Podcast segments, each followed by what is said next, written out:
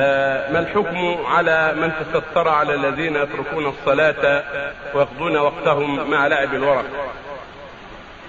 الواجب على المؤمنين التعاون مثل ما سمعت في الكلام تعاون على الخير وأن ينصحوا من تخلف عن الصلاة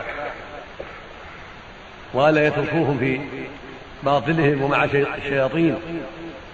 بل ينصحونهم يوجهونهم إلى الخير فإن استقاموا وإلا رفع الأمر إلى المسؤول عنهم حتى يقيم في حقهم ما يلزم وحتى يبلغ عنهم ما يلزم.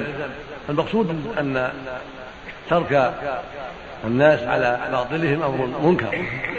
والله يقول جل وعلا والمؤمنون والمؤمنات بعضهم أولياء بعض. يامر بالمعروف وينهون عن المنكر. ويقول سبحانه كنتم خير أمة أخرجت للناس تأمر بالمعروف وتنهون عن المنكر.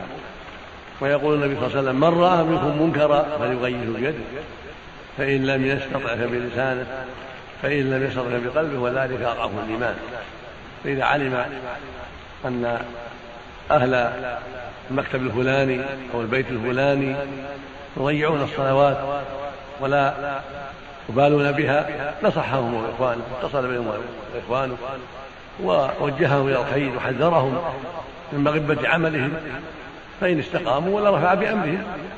كانوا في دائرة راعي إلى رئيس الدائرة أو إلى الهيئة أو إلى أمير القرية أو ما أشبه ذلك. من يرجو أنه ينفع في هذا المقام من باب التعاون على البر والتقوى بعدما ينصح لهم ويجتهد. وإذا تيسر أن يكون الناصح معه غيره ما يكون فردا.